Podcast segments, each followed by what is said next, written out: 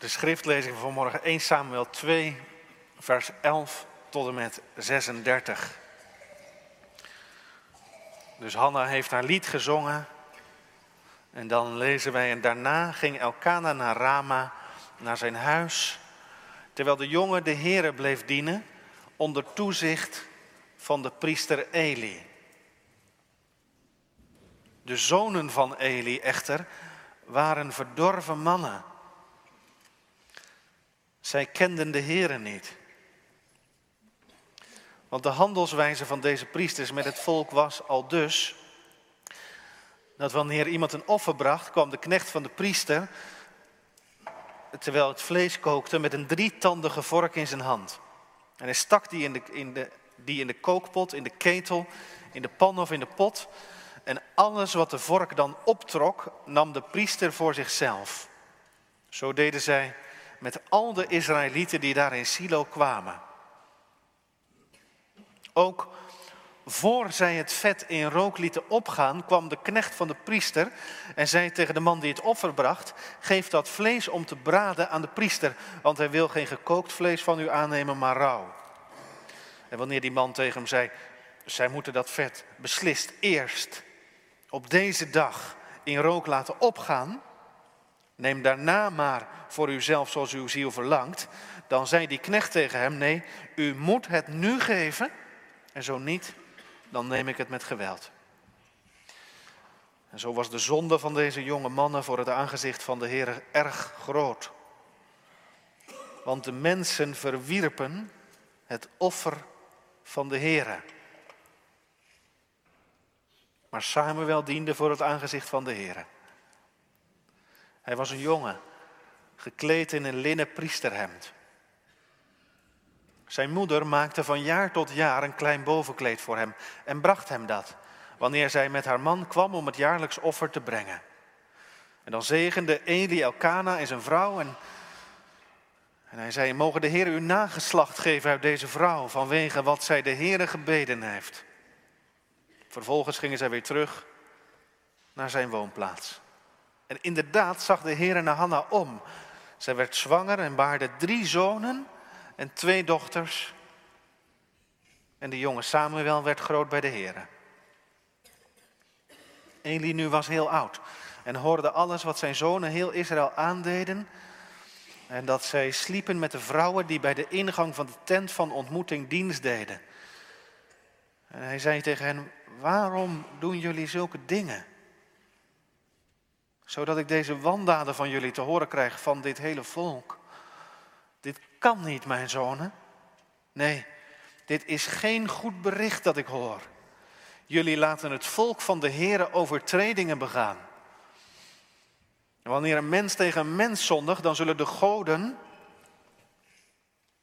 dat wil zeggen de rechters, hem oordelen. Maar wanneer een mens tegen de Heere zondigt, wie zal dan voor hem bidden? Maar zij luisterden niet naar de stem van hun vader, want de Heere wilde hen doden. En de jonge Samuel kreeg gaandeweg meer aanzien en gunst, zowel bij de Heer als ook bij de mensen. Een man Gods kwam naar Eli en zei tegen hem, zo zegt de Heer, heb ik mij niet duidelijk geopenbaard aan het huis van uw vader toen ze in Egypte waren, in het huis van de farao. En ik heb hem uit al de stammen van Israël voor mij tot priester uitgekozen om op mijn altaar te offeren. En het reukwerk in rook te laten opgaan en de efot voor mijn aangezicht te dragen. En ik heb aan het huis van uw vader al de vuuroffers van de Israëlieten gegeven. Waarom schopt u dan tegen mijn slachtoffer en tegen mijn graanoffer dat ik in mijn woning geboden heb? En waarom eert u uw zonen meer dan mij? Door uw vet te mesten met het beste van alle graanoffers van mijn volk Israël. Daarom spreekt de Heer, de God van Israël. Ik had duidelijk gezegd, uw huis en uw familie zullen voor eeuwig voor mijn aangezicht wandelen. Maar nu spreekt de Heer, er is bij mij geen sprake van. Want wie mij eren, die zal ik eren. Maar wie, maar wie mij verachten, die zullen licht geacht worden. Zie, de dagen komen dat ik uw arm zal afhakken en de arm van uw familie, zodat er geen oud man in uw huis zal zijn. U zult de nood van Gods woning aanzien, in plaats van al het goede dat Hij Israël gedaan zou hebben. En er zal geen oude man in uw huis zijn, alle dagen. Maar de man van uw huis, die ik niet van bij mijn altaar zal uitroeien, zal er zijn om uw ogen te doen bezwijken en uw ziel te bedroeven. En het merendeel van uw huis zal sterven als mannen in de kracht van hun leven. En dit zal voor u het teken zijn dat over uw beide zonen, over Hofni en Pinehas komen zal. Op één dag zullen zij beide sterven. En ik zal voor mij een trouwe priester doen opstaan. En die zal doen zoals het in mijn hart en in mijn ziel is. En voor hem zal ik een blijvend huis bouwen. En hij zal alle dagen voor de ogen van mijn gezalfde wandelen. En het zal gebeuren dat al wie van uw huis overgebleven is, zal komen om zich voor hem neer te buigen. Voor een weinig geld en een rond brood. En zal zeggen, neem mij toch aan voor een van de priesterdiensten. Zodat ik een stuk brood om te eten zal hebben.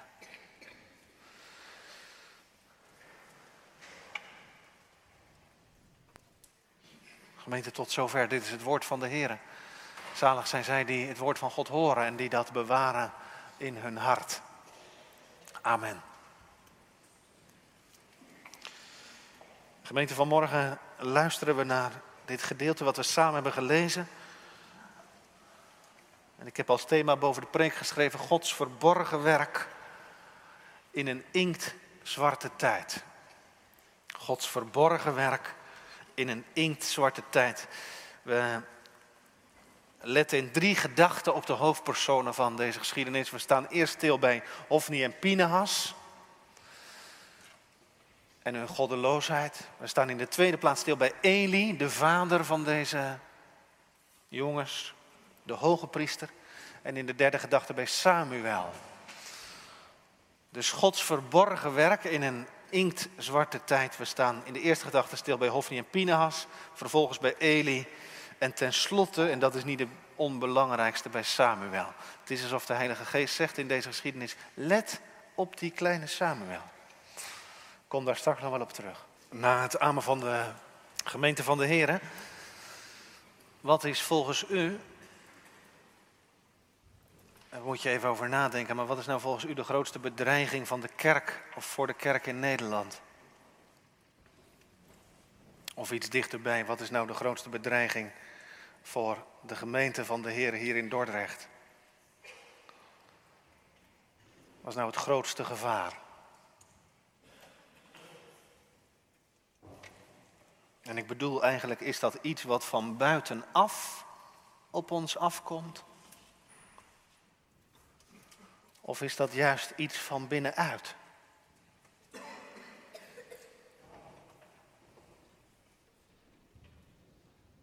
En ik begin daar even over omdat ik heel veel christenen naar buiten zie wijzen. En die zeggen vaak zeggen dan, och toch. En ze, ze wijzen op, op de grote gevaren van een gelijkheidsdenken dat zich langzamerhand als een soort totalitair gedachtegoed over de hele westerse wereld uitrolt. U weet wel waar ik het over heb. Heel Europa moet bestaan uit deugmensen. Hè? En je hoeft zelf niet meer na te denken, want er, er is al bepaald wat je mag denken en wat niet. Nou, en ik ben het met u eens dat dat een groter gevaar is dan veel goedgelovige mensen doorhebben. Dat is een groot gevaar. Als we als kerk naïef denken, dat dat wel losloopt. En toch, gemeente, het is niet het grootste gevaar. Want de geschiedenis van de kerk heeft geleerd dat juist tijden waarin de kerk beproefd werd en bevraagd werd, louterende tijden zijn geweest, die zegenrijk zijn en die vruchtbaar zijn geweest. Dus gemeente, ik geloof niet dat het grote gevaar van buitenaf komt. Hoe wakker je daar ook voor moet zijn. Als ik me niet vergis, wijst de Bijbel ons een andere kant op. En zegt, de grootste bedreiging, die komt van binnenuit.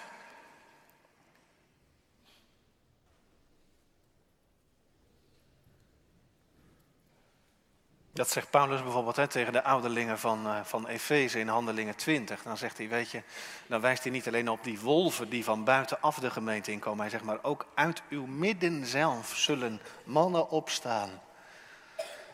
Die met dwaling de mensen achter zichzelf aankrijgen. De macht van dwaling, van binnenuit. Ik denk wel eens, daar hoor je niet zoveel meer over hè.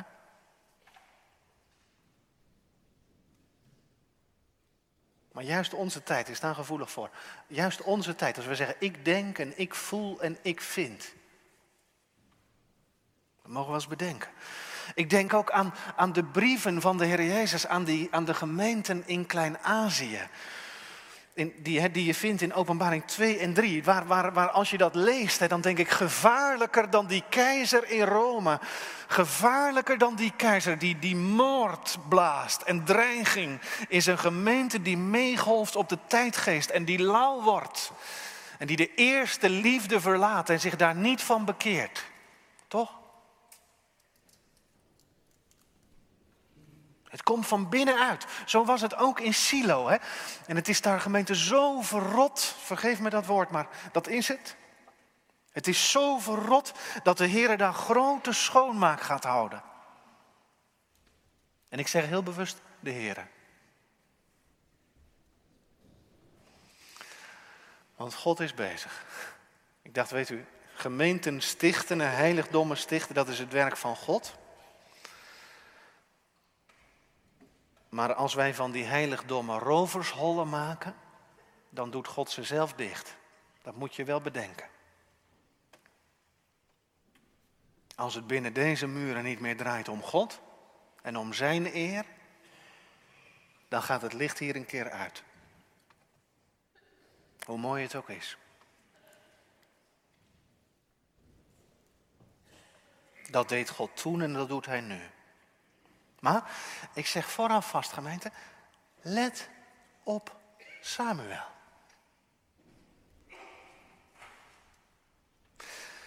Let op hè, hoe de Heer dus zelfs in die inktzwarte tijd. Ik had bijna moeite om het voor te lezen allemaal. Kunt u zich dat voorstellen? Maar dat God in die inktzwarte tijd al vooruitdenkt en bezig is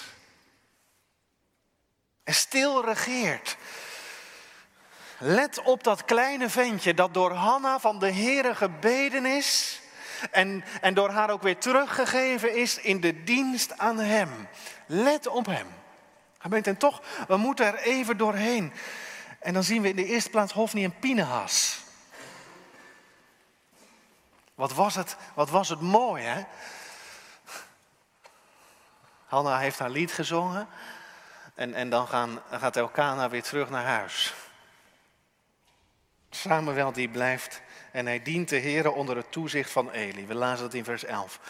Nou, we weten het inmiddels, de kinderen weten het ook. Eli is de hoge priester in, in Silo. En, en zijn zonen Hofni en Pinehas, die werden in hoofdstuk 1 al aan ons voorgesteld. Zij zijn de priesters van de Heer. Zo heten ze.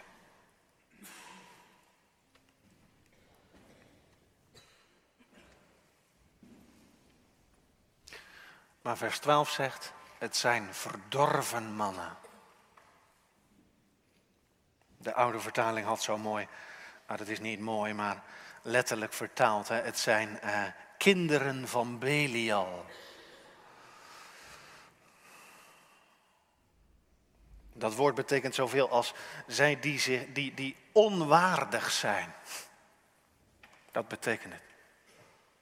Dat is netjes gezegd. De Griekse vertaling van het Oude Testament, hè, die zegt, die vertaalt vaak een beetje parafraseren, maar die zegt, weet je, zij waren een pest.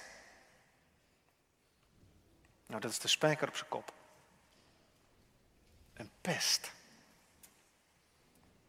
Onze tijd en onze tijd wordt volop gesproken, wat mij betreft ook iets te veel, hè, over machtmisbruik en grensoverschrijdend gedrag. Als je tegenwoordig als directeur al eens een beetje een keer een grote keel opzet, dan moet je al oppassen. Ik denk dat we daar niet heen moeten, maar ik dacht, hier heb je nou machtmisbruik. En grensoverschrijdend gedrag in zijn oervorm en het is dus ook van alle tijden. En dan moet je vers 15 eerst lezen. Want wat deden ze nou? Hè? Vers 15 moet je eerst lezen. Als die offeraars kwamen bij de tabernakel om daar de Heer te dienen, Hem te eren, te loven en te prijzen voor Zijn genade, dan kwamen de knechten van Hofni en Pinehas. En in die tijd, het vet, wij hebben daar, denken daar nu iets anders over, maar het vet werd gezien als het allerbeste. En dat was voor de Heer. Het allerbeste was voor de Heer. Maar als die offeraars kwamen, dan kwamen die knechten van Hofni en Pinehas al. En ze zeiden, weet je, je moet ons dat rauwe vlees geven en met dat vet eraan. En als dan die vrome Israëliet daartegen protesteerde hè, en, en zei, weet je, maar dat is voor de Heer en dat moet vandaag aan hem geofferd worden. Dan werden ze nog bedreigd ook. Dan was het, je kunt het nu geven, anders nemen we het met geweld.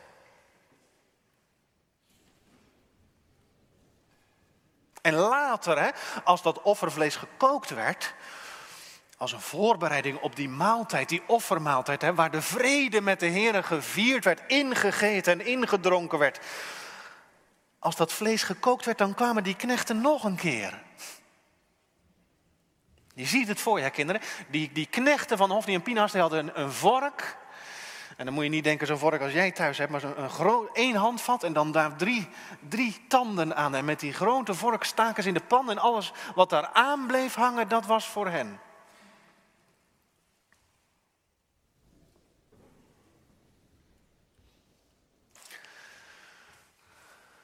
Dus ze steelden eerst van de heren wat God toebehoorde en toekwam, dat namen ze voor zichzelf.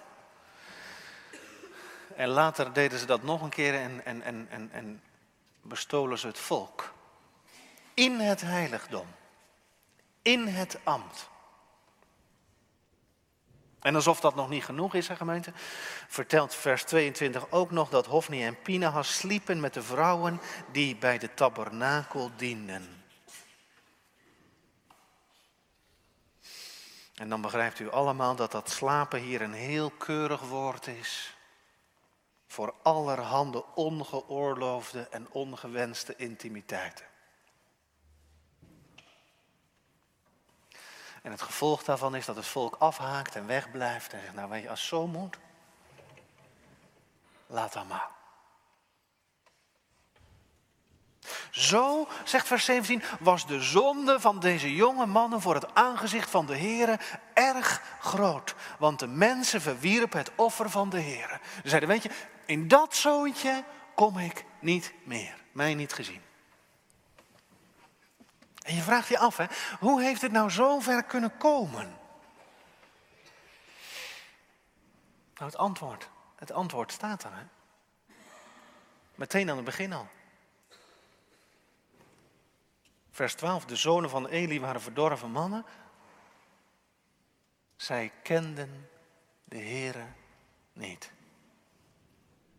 Daar heb je het.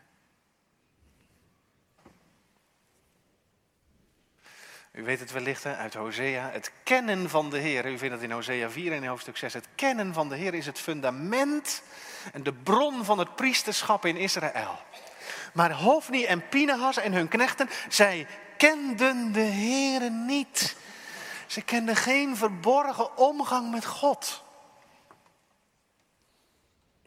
Ze kenden geen gebrokenheid voor de Heer. Ze kenden geen buigen voor de Heer. En daarom kennen ze ook niet de vergeving van de zonde en de verrukking over de genade van God.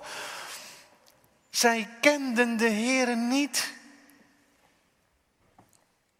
En dat is hier, zegt de schrijver van Samuel, dat is de wortel van alle kwaad. En daarom begon ik met die vraag, wat is het grootste gevaar? Gemeente, dit is het grootste gevaar voor de gemeente vandaag. Dit.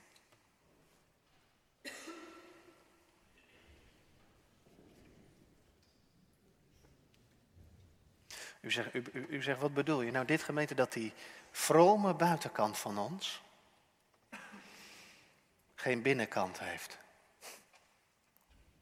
Begrijpt u wat ik bedoel?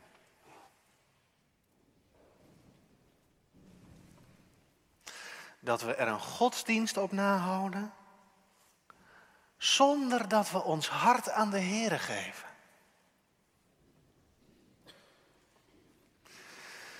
Dat je God dient, tussen aanhalingstekens, met een hart waarin het ik nog altijd op de troon zit, regeert en gediend wil worden. Zij kenden de Heere niet. Als ik het even breng naar ons, dan denk ik, weet je, ze Christus niet kennen. Van zijn woorden niet leven. Naar zijn liefde niet verlangen. En misschien dat u denkt, nou dan gaat het dus vanmorgen, is het een preek voor de ambtsdragers van wijk 2 en 7. Nou, ik zal u uit de droom helpen. Gemeente Petrus zegt, heel de gemeente van het Nieuwe Testament is een koninkrijk van priesters. Toch? Dus het gaat over ons allemaal.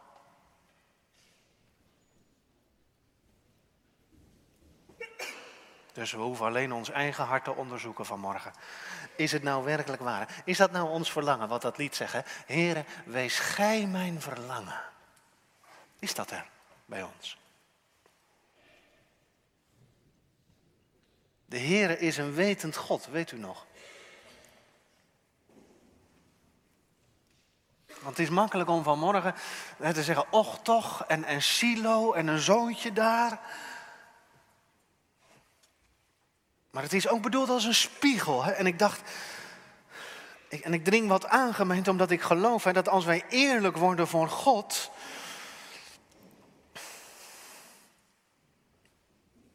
dan kun je er eigenlijk nog niet boven gaan staan ook.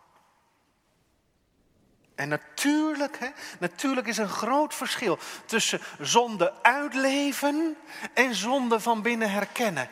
Maar ik dacht, je komt er ergens ook niet bovenuit.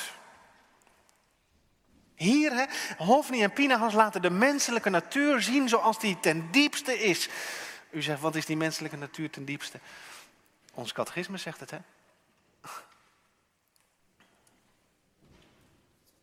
Van nature geneigd God en mijn naaste te haten. En zelfs als je van de enige troost weet. Ik zou juist willen zeggen, juist als je van die enige troost weet, dan moet je dat ook nog beleiden. Hè? Ik vind dat het bijzonder. De catechisme zegt niet, ik was dat geneigd. Dan was het nog een mooi verhaal. Maar daar zeggen die mensen die weten van die troost. Ik ben het eigendom van Christus. En je durft het in de vrome kerk van vandaag haast niet te zeggen. Dat durf ik eigenlijk alleen maar tegen de Heer te zeggen. Ik ben geneigd, Heer, u en mijn naaste te haten. Toch? Of bent u beter?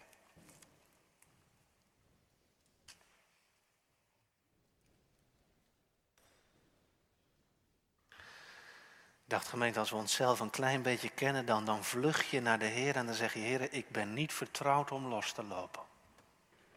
Houd me dicht bij u. Houd me dicht bij u. Bewaar mij toch, o alvermogend God. Moet je nooit vergeten hoor gemeente. Deze geschiedenis staat niet in de Bijbel dat u vanmorgen uzelf er even moreel boven verheft. Daar staan ze er niet voor. Maar ze staan op dat u in de spiegel zou kijken en uzelf voor God zou verootmoedigen en knielen. Dat is, dat is het leven van Hoffi en Pinas. En ik ga snel naar de tweede gedachte, want Eli is daar natuurlijk nauw aan verbonden. Want wat doet Eli? Dat is onze tweede gedachte.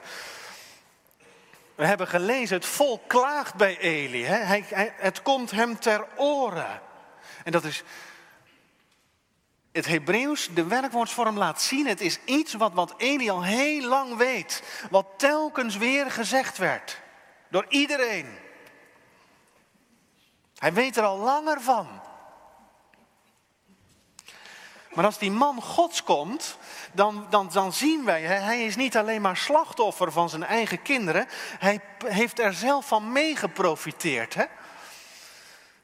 Vers 29, het laatste gedeelte zegt, hè, dan zegt de Heer niet alleen u eert uw zonen meer dan mij, maar u mest uzelf vet met de offers van mijn volk. U.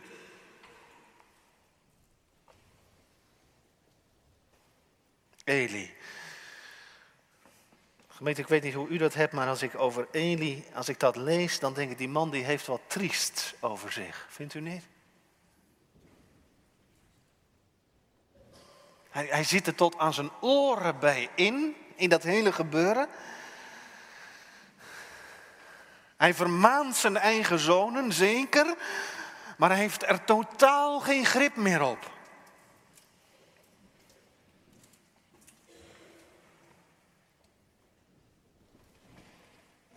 Hij weet dat het zonde is wat daar gebeurt. Hij spreekt ook.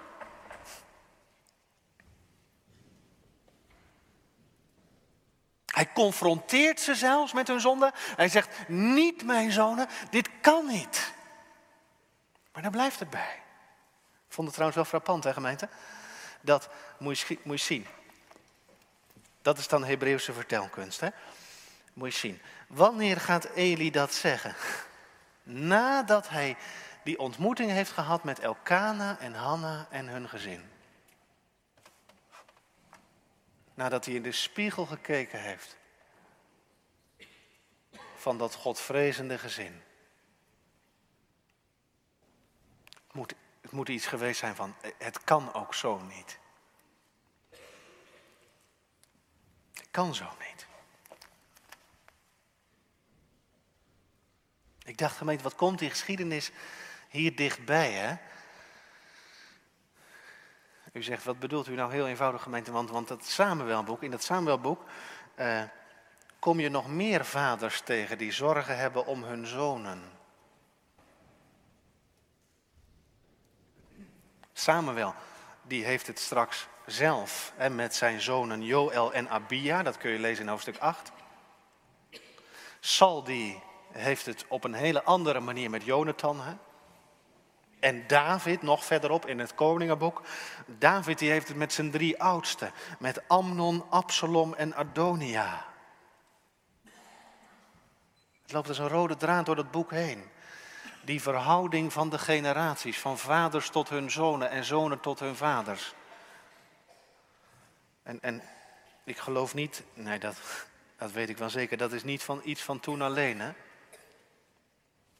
Er zitten er hier ook velen. Of niet?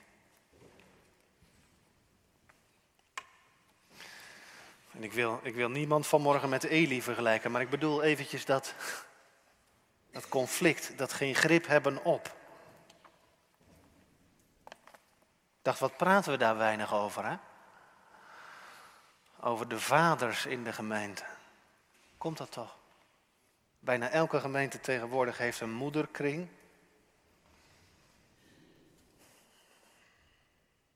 De moeders gaan met elkaar in gesprek en lezen dan boeken over opvoeding en hoe het allemaal moet.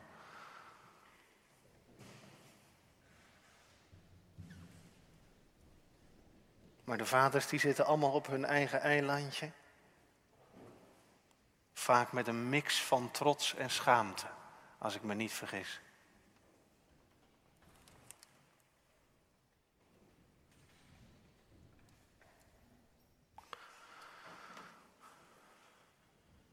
Waar zijn de wijze oude broeders? Die zonder oordeel en die zonder alles beter te weten en die niet bij ons komen zeggen, weet je vroeger, ja.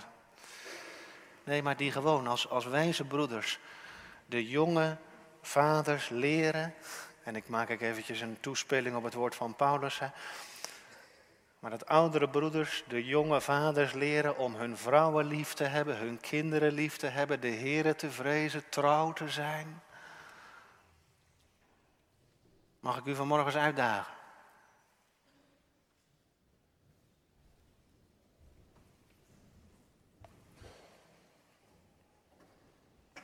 Waarom vertelt u ons niet waar u hebt gefaald? En waarom vertel je ons niet Wat aan u knaagt vanmorgen en waar je ons niet voor over hebt. Welke zonde tegen je vrouw en tegen je kinderen heb je zo vaak aan de Heer moeten beleiden? Zeg het ons. En voor welke fout zou je ons jonge vaders niet over hebben? Het is makkelijk om te zeggen, tegenwoordig en zo. Maar wat doe je eraan? Ik kom daarop, gemeente. Ik kwam bij die gedachte omdat die Eli een eenzame, tragische man is, toch? Ik, ik, ik krijg diep beklag met die man. Je zou wel even naast hem willen gaan zitten, een hand op zijn schouder leggen en zeggen: Joh, man, broeder, waar heb jij de verkeerde afslag genomen? Waar is het nou misgegaan?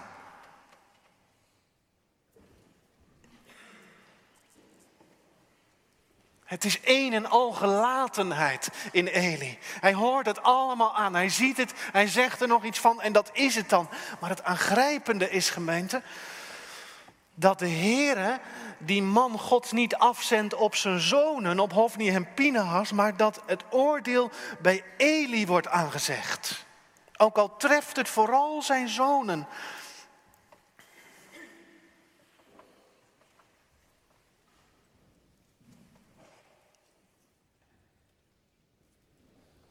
Eli. Dacht ze, Israël, die man, hij heeft al die zonden van Israël aangehoord. Hij heeft de zonde, de, de beleidenissen aangehoord, hij heeft de zonde vergeven. Maar ik dacht, wie bidt er nou met Eli?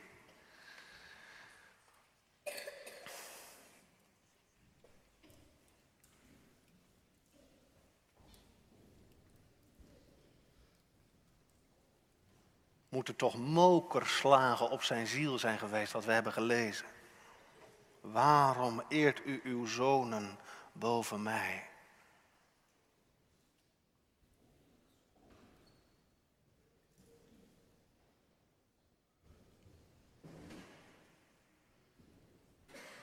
Ik zal uw arm afhakken, de arm van uw familie. En u zult de nood van de woning van God zien in plaats van al het goede. En dit zal voor u het teken zijn over uw beide zonen, over Hofni en Pinahas. Op één dag zullen zij beide sterven.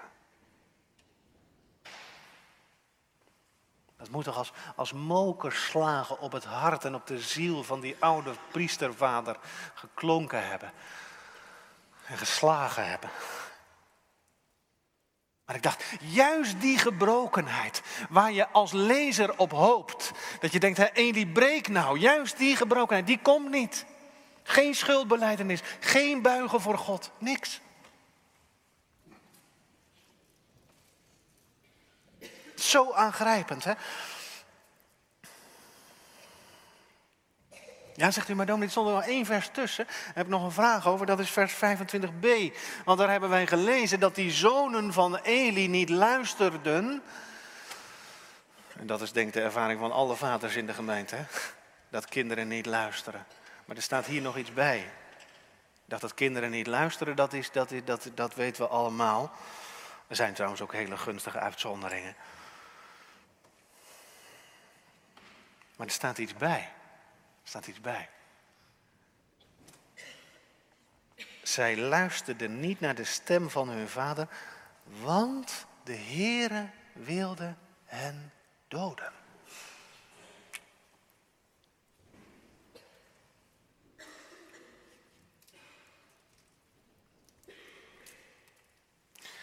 God. Zo staat het er. Hè?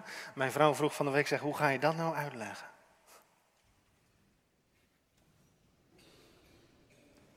En toen zei ik tegen haar, we laten het gewoon staan. Hoe moeilijk het ook is. En hoeveel vragen het ook oproept.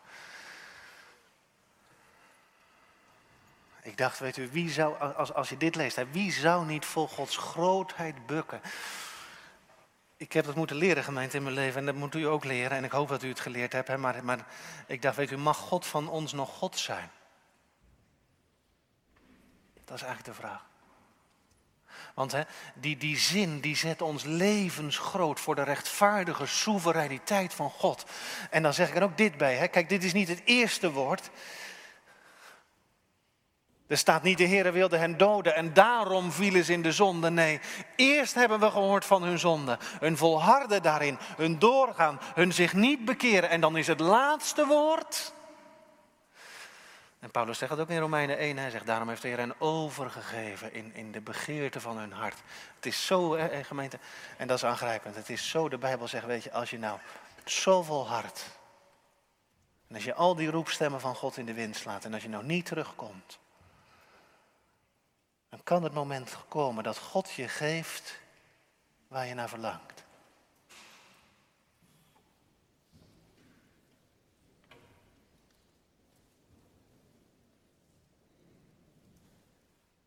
Ze luisterden niet, want de Heere wilde hen doden.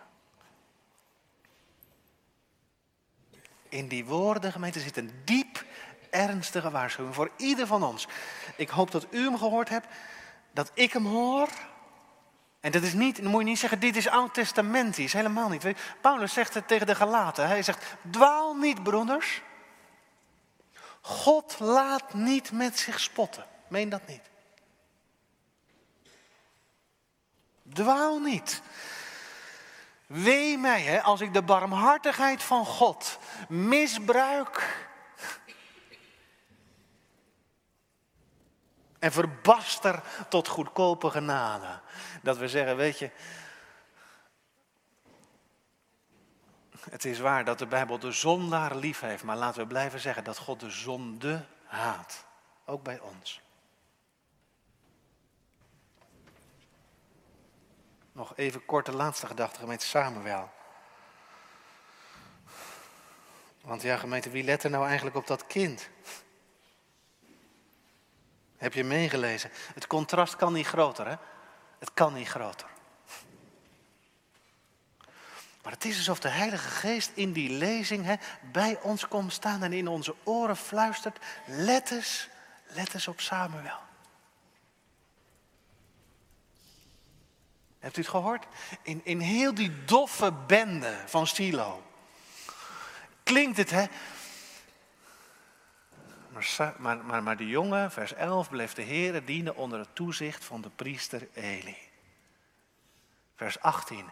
Maar Samuel diende voor het aangezicht van de Heer. Vers 21, het laatste gedeelte. En de jonge Samuel werd groot bij de Heer. En vers 26. En de jonge Samuel kreeg gaandeweg meer aanzien en gunst, zowel bij de Heer als ook bij de mensen. Mooi hè? Mooi hè?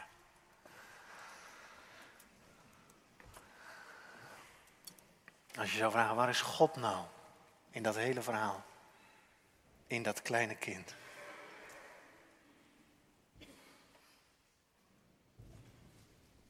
In dat kind is de Heer bezig.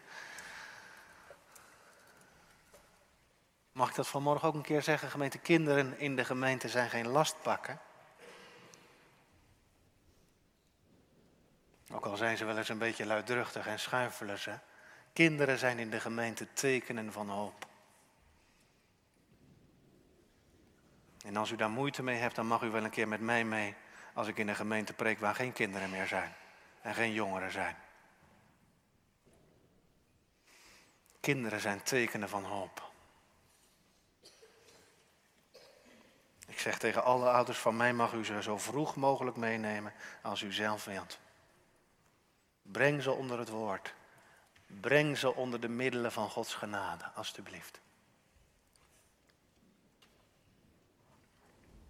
Want die kleine Samuel is, is in die inktzwarte nacht in de geschiedenis van Israël dat kleine kaarslicht van de trouw van God. Is er hier nog één die aan de Heer denkt? Ja, een kind, een kind.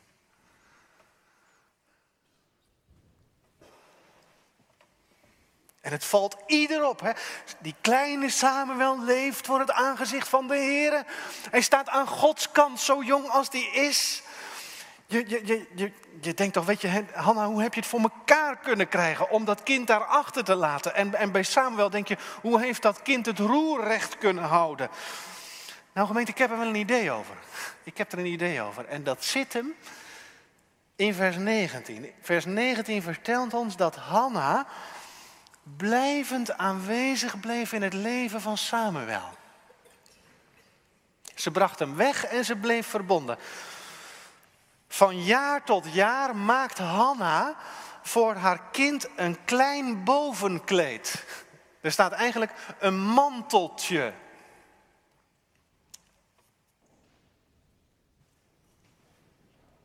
Daar zit die blijvende zorg van Hanna voor Samuel in. Als je zegt, hoe, hoe hield dat kind het daar vol? Ik dacht, nou weet je, zou het niet dit geweest zijn, gemeente, dat elke ochtend, als dat kleine ventje dat manteltje zag liggen, werd hij herinnerd aan thuis. Ik dacht, als u nou als ouders niet meer met uw kinderen kunt spreken over God, zorg dan dat ze iets hebben, iets tastbaars, waardoor ze herinnerd worden aan u en uw geloof.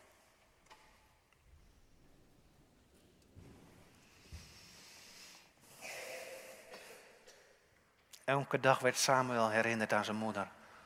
Aan wat zij hem geleerd had en voorgeleefd had. Aan haar gebeden en haar geloof. En aan haar kinderlijke omgang met God.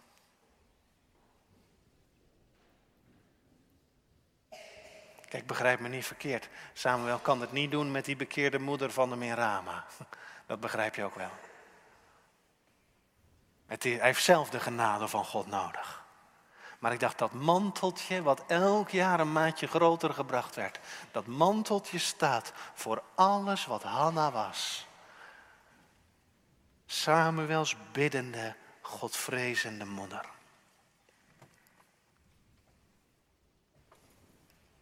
En zo eindigt dat hoofdstuk met een heerlijke voorzegging. Hè? Je kunt God wel tegenwerken en dat is danig gebeurd daar in Silo. Maar niets kan zijn hoog besluit ooit keren. Nooit. Hij zorgt voor zijn volk. Hè? Ook al betekent dat dat het huis van Eli het veld moet ruimen. De Heer zegt, ik zal voor mij een trouwe priester doen opstaan. Daar werk ik mee bezig. En waarom trouw? Omdat die priester zal doen zoals het in mijn hart is en zoals het in mijn ziel is. Dat is dus trouw, hè gemeente. Trouw betekent dat je altijd vraagt, wat wil de Heer nu? Wat is er nou in zijn hart en wat is er in zijn ziel? Nou, we hebben vorige week zondag gehoord, zachtmoedig en nederig van hart. Zo'n priester ga ik mij verwekken. Sommigen denken dat, dat Samuel die priester is. Maar dat geloof ik niet, gemeente. Anderen trekken de lijn meteen door naar Christus. Nou, die lijn die ligt er zeker, maar ik geloof in het licht van één Koningen Twee, dat Sadok die priester is.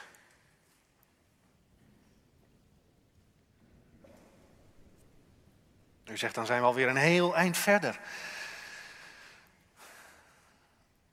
Ja, dan ben je alweer in de tijd van Salomo. Ik heb me daar vaak over verbaasd de afgelopen tijd. Bij de voorbereiding van deze preek dacht ik, heren, wat hebt u toch veel tijd.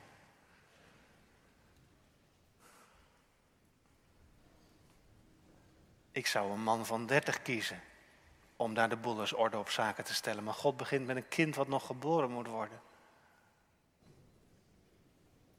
Want heeft God toch vaak veel tijd, hè? Laten we maar eerlijk zijn, tergend veel tijd soms, hè? Voor ons. Maar ondertussen is hij bezig. Hij werkt op een verborgen, ongedachte manier in een git zwarte tijd. Let op Samuel.